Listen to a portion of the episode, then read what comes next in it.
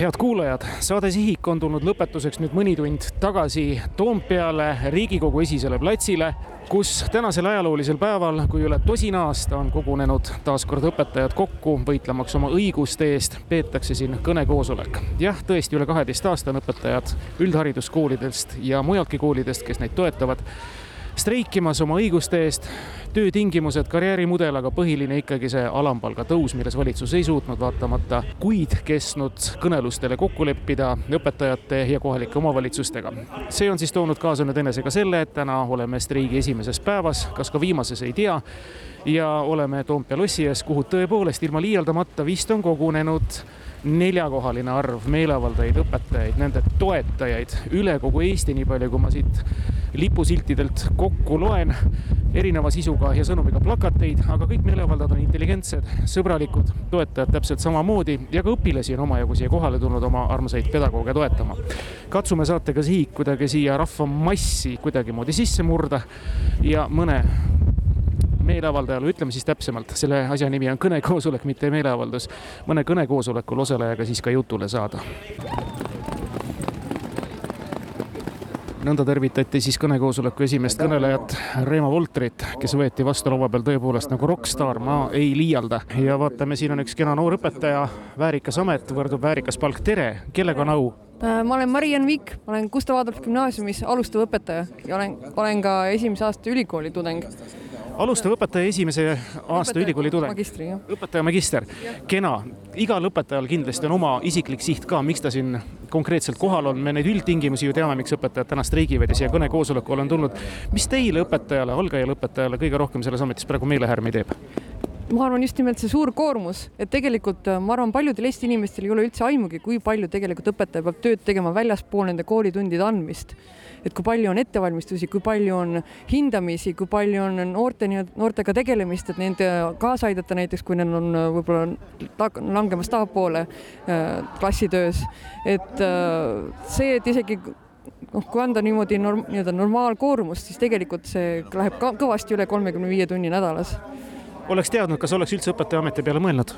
Äh, ma arvan, ikka olen, sellepärast et äh, ma olen nüüd äh, nii-öelda väikse karjääripöörde teinud, et ikkagi tulla õpetajaks, sest ma ikkagi taha, tahan noortega tegeleda ja tahan neile teadmisi edasi anda. aga loodan, et ikkagi tulevikus ei ole täpselt sama olukord, nagu ta on juba olnud kümnendeid, et õpetajaid ikkagi alaväärtustatakse nii riigi kui ka võib-olla mingil määral ühiskonna poolt kuidas saladus pole, kes te eelmises karjääris olite?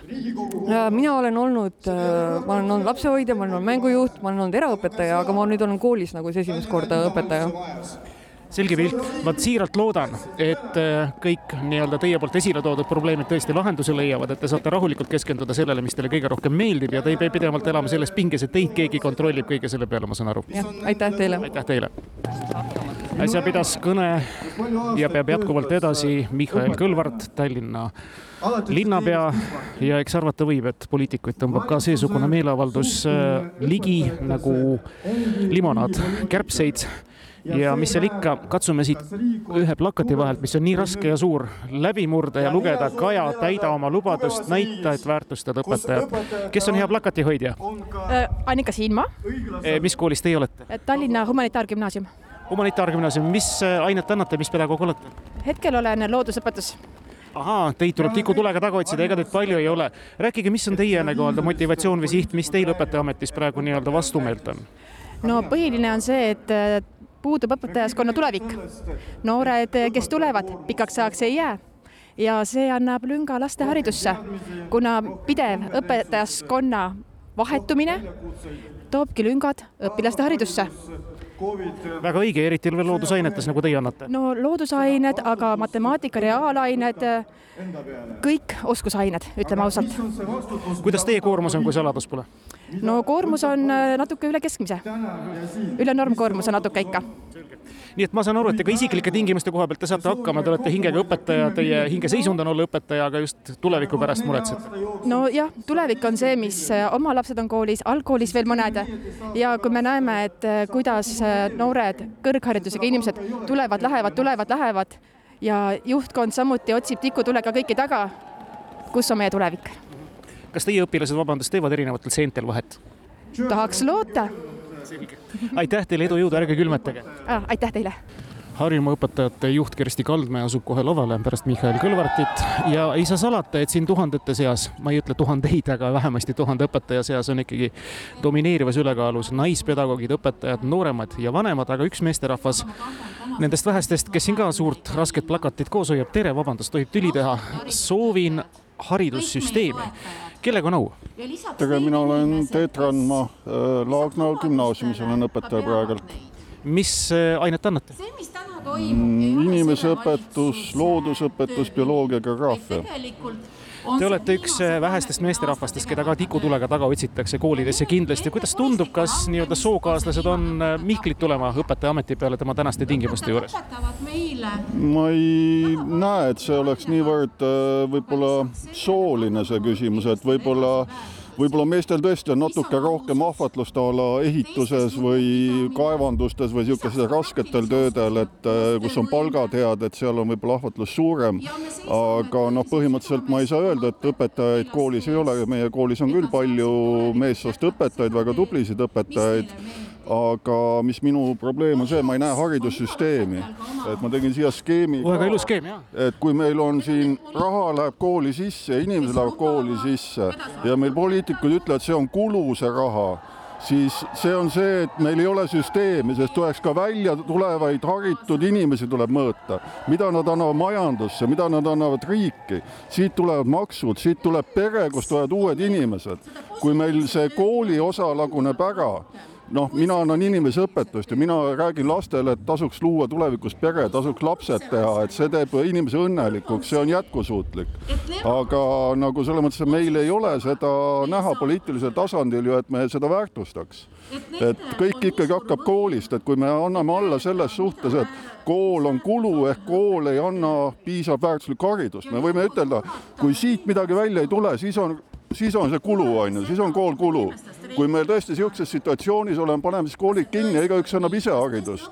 aga mingi süsteem peab olema, sest praegult meil on noh, minu hinnangul on nõukogude ajaline äh, haridussüsteem, kus enamus inventari on ära varastatud, koolimajad on endised, klassiruumid on endised, lihtsalt proovitakse veelgi rohkem õpilasi sinna sisse suruda. et see ei ole normaalne, see on hakklihamasin ja sellega me ei tekita seda terveid haritud inimesi, kes panustaks majandusse, kes oskaks juhtida riiki sõna investeering on vist ära unustatud asja juures, tema tegelik tähendus? no see Eesti ühiskonnas ongi laiem, et kuna meil on väga kehv matemaatika, väga kehv niisugune, ütleme, majandusõpetus, siis meil lähevadki väga tihti avalikus kommunikatsioonis segamini sõna kulu ja investeering. ja need on väga erinevad mõisted. kulu on mingi asi, mis meil põleb ära, on ju, et kevadeti meil on kulupõrelangud. aga haridusse me peaks ikkagi suhtuma kui investeeringusse kui poliitikute sõnum on see, et see haridusse panustatav raha ei tasu ennast ära, ehk need koolist välja tulevad lapsed ei ole seda investeeringut väärt, mis sisse pannakse, siis tuleks seda kommunikeerida ja sellest rääkida. aga praegult minu arust Eesti õpilased on tasemelt Aasia riikide, noh, Singapur, Korea peaaegu ühel tasemel meil on probleem talentide arendamisega, keskmiselt me oleme väga kõrgel tasemel. seega süsteem idee poolest toimib, kuigi me panustame teistest riikidest oluliselt vähem. targad riigid panustavad kuni kaheksa protsenti sisemajandusest haridussüsteemi, meie oleme vist kolm koma viis protsenti, et üle poole vähem kui nii-öelda teised tugevad, et ja saame niisugust tulemust, et, et minu arust sellises situatsioonis raha ei tohiks olla ju probleem, et me saame aru, et mida rohkem raha sinna sisse paneme, seda rohkem saame kvaliteetseid haritud inimesi, kes nii-öelda saavad oma eluga hakkama ja kes suudavad panustada ka ühiskonna arengusse, see on vähemalt minu siit seisukoht. väga hea ja põhjalik, korralikult põhjendatud seisukoht ühe skeemiga, aitäh teile ja jõudu ja jaksu! Tänan! õpetajate kõnekoosolek ja meeleavaldus on loomulikult kokku toonud poliitikuid, aga mitte ainult, poliitikud on ka tihtilugu lapsevanemad, nagu näiteks kaheksa lapse isa Varro Vooglaid. Varro, kõigepealt, kui mitu last nüüd teie perest täna pidi haridusõpetajate streigi pärast koju jääma? ohoo, ei olegi niimoodi arvutanud, aga viis vist. viis? no osad veel ei käi koolis ja osad on juba kooli lõpetanud ka, et arvestame sinu hulka. ja täpselt, täna tulin vanema tütrega koos Toompeale, tema läks praktikale õiguskantsleri juurde kuidas on, õpetajad räägivad siin üsna mitmest asjast, tegelikult ega nad seda palka, alampalka, mis on ka kindlasti oluline, ju väga esile ei toogi, aga noh, nii-öelda süsteemist räägitakse, räägitakse terviklikust karjäärimudelist. kas õpetaja töö ja pedagoogi töö tundub, et on kuidagi mõtestamata või selgeks rääkimata või selgeks vaidlemata meil vabariigis? no ilmselt selles aspektis tõepoolest on, et õpetajate suhtes need ootused muudkui ka kasvavad, aga see ühiskondlik tunnustus, muuhulgas siis palga näol, ei ole sellega kooskõlas, ei ole nende ootustega kooskõlas. et kõigil, kellel meil on kas sugulasi, pereliikmeid, tuttavaid, sõpru õpetajate seas, me teame seda, et see koormus on sageli täiesti ebainimlikult kõrge, eks. et käid tööl, tuled koju, toidad lapsed ära, perekonna või teed ja hakkad aga muudkui töid parandama või tunde ette valmistama, et peaks nagu õhtul ka terve aja veel keskööni välja töötama, eks lisaks tegelema klassiõpilaste muredega, perekondlike muredega, kõige muu sellisega. olema osaliselt ka sotsiaaltöötaja ja psühholoog, eks lisaks aine õpetamisele. Et see on ikkagi väga suure vastutusega töö ja ma ütlen, ühiskondlik tunnustus peab olema vastavus nende ootustega kuidas teie perekonnas on, et lapsed teevad loomulikult kodutööd ise, aga kas teil näiteks on oma õpetajatega kokkulepe olemas, et neid võib pärast kella kuute tülitada küsimuses või teises? ma ei oskagi sellistest konkreetsetest kokkulepetest rääkida, sellepärast et need küsimused on peamiselt perekonnas meil abikaasa lahendada. aga, aga tõsi ta ju on, et ise olen näinud palju seda kõrvalt, et noh, kuna meil perekond on ka selle kooli, koolisüsteemiga tihedalt seotud, et siis tegelikult õpetajatele kanduvad ikka väga paljud probleemid perekondadest üle. Ja see on raske koorem eks avalikkus teab, et teie ema töötab ju Vanalinna hariduskolleegiumi kauaaegse direktorina. mis tema on välja toonud, mis on tegelikult haridusjuhi selline noh, nii-öelda rasked kohad haridust juhtides või konkreetselt kooli juhtides, pedagooge, no kehv sõna, aga ütleme siis karjatades? teate, ma ütleksin sedasi, et kõige mõistlikum oleks ta kutsuda Kuku raadiosse sel teemal ise rääkima, sest tal on ju ka aastakümnete pikkune kogemus ja väga sügavale ulatuv pilk nende probleemidega seonduvalt, millega ta on pidanud kokku puutuma. nii et ma siin tema eest rääkima ei hakkaks, aga aga mida ma olen küll tema poolt kuulnud ja mida ma olen tema puhul näinud, on ikkagi see, et just nimelt need üha süvenevad sotsiaalsed probleemid ja perekondlikud probleemid meil ühiskonnas langevad üha raskemalt õpetajate õlgadele ja eriti noorte õpetajate jaoks, kes noh, ei ole selleks ju tegelikult mitte mingisugust ettevalmistust saanud, et sellist koormat kanda, on see koorem sageli liiga raske, mistõttu ka paljud noored õpetajad ju lahkuvad esimestel aastatel juba pärast kooli, kooli õpetama tulemist.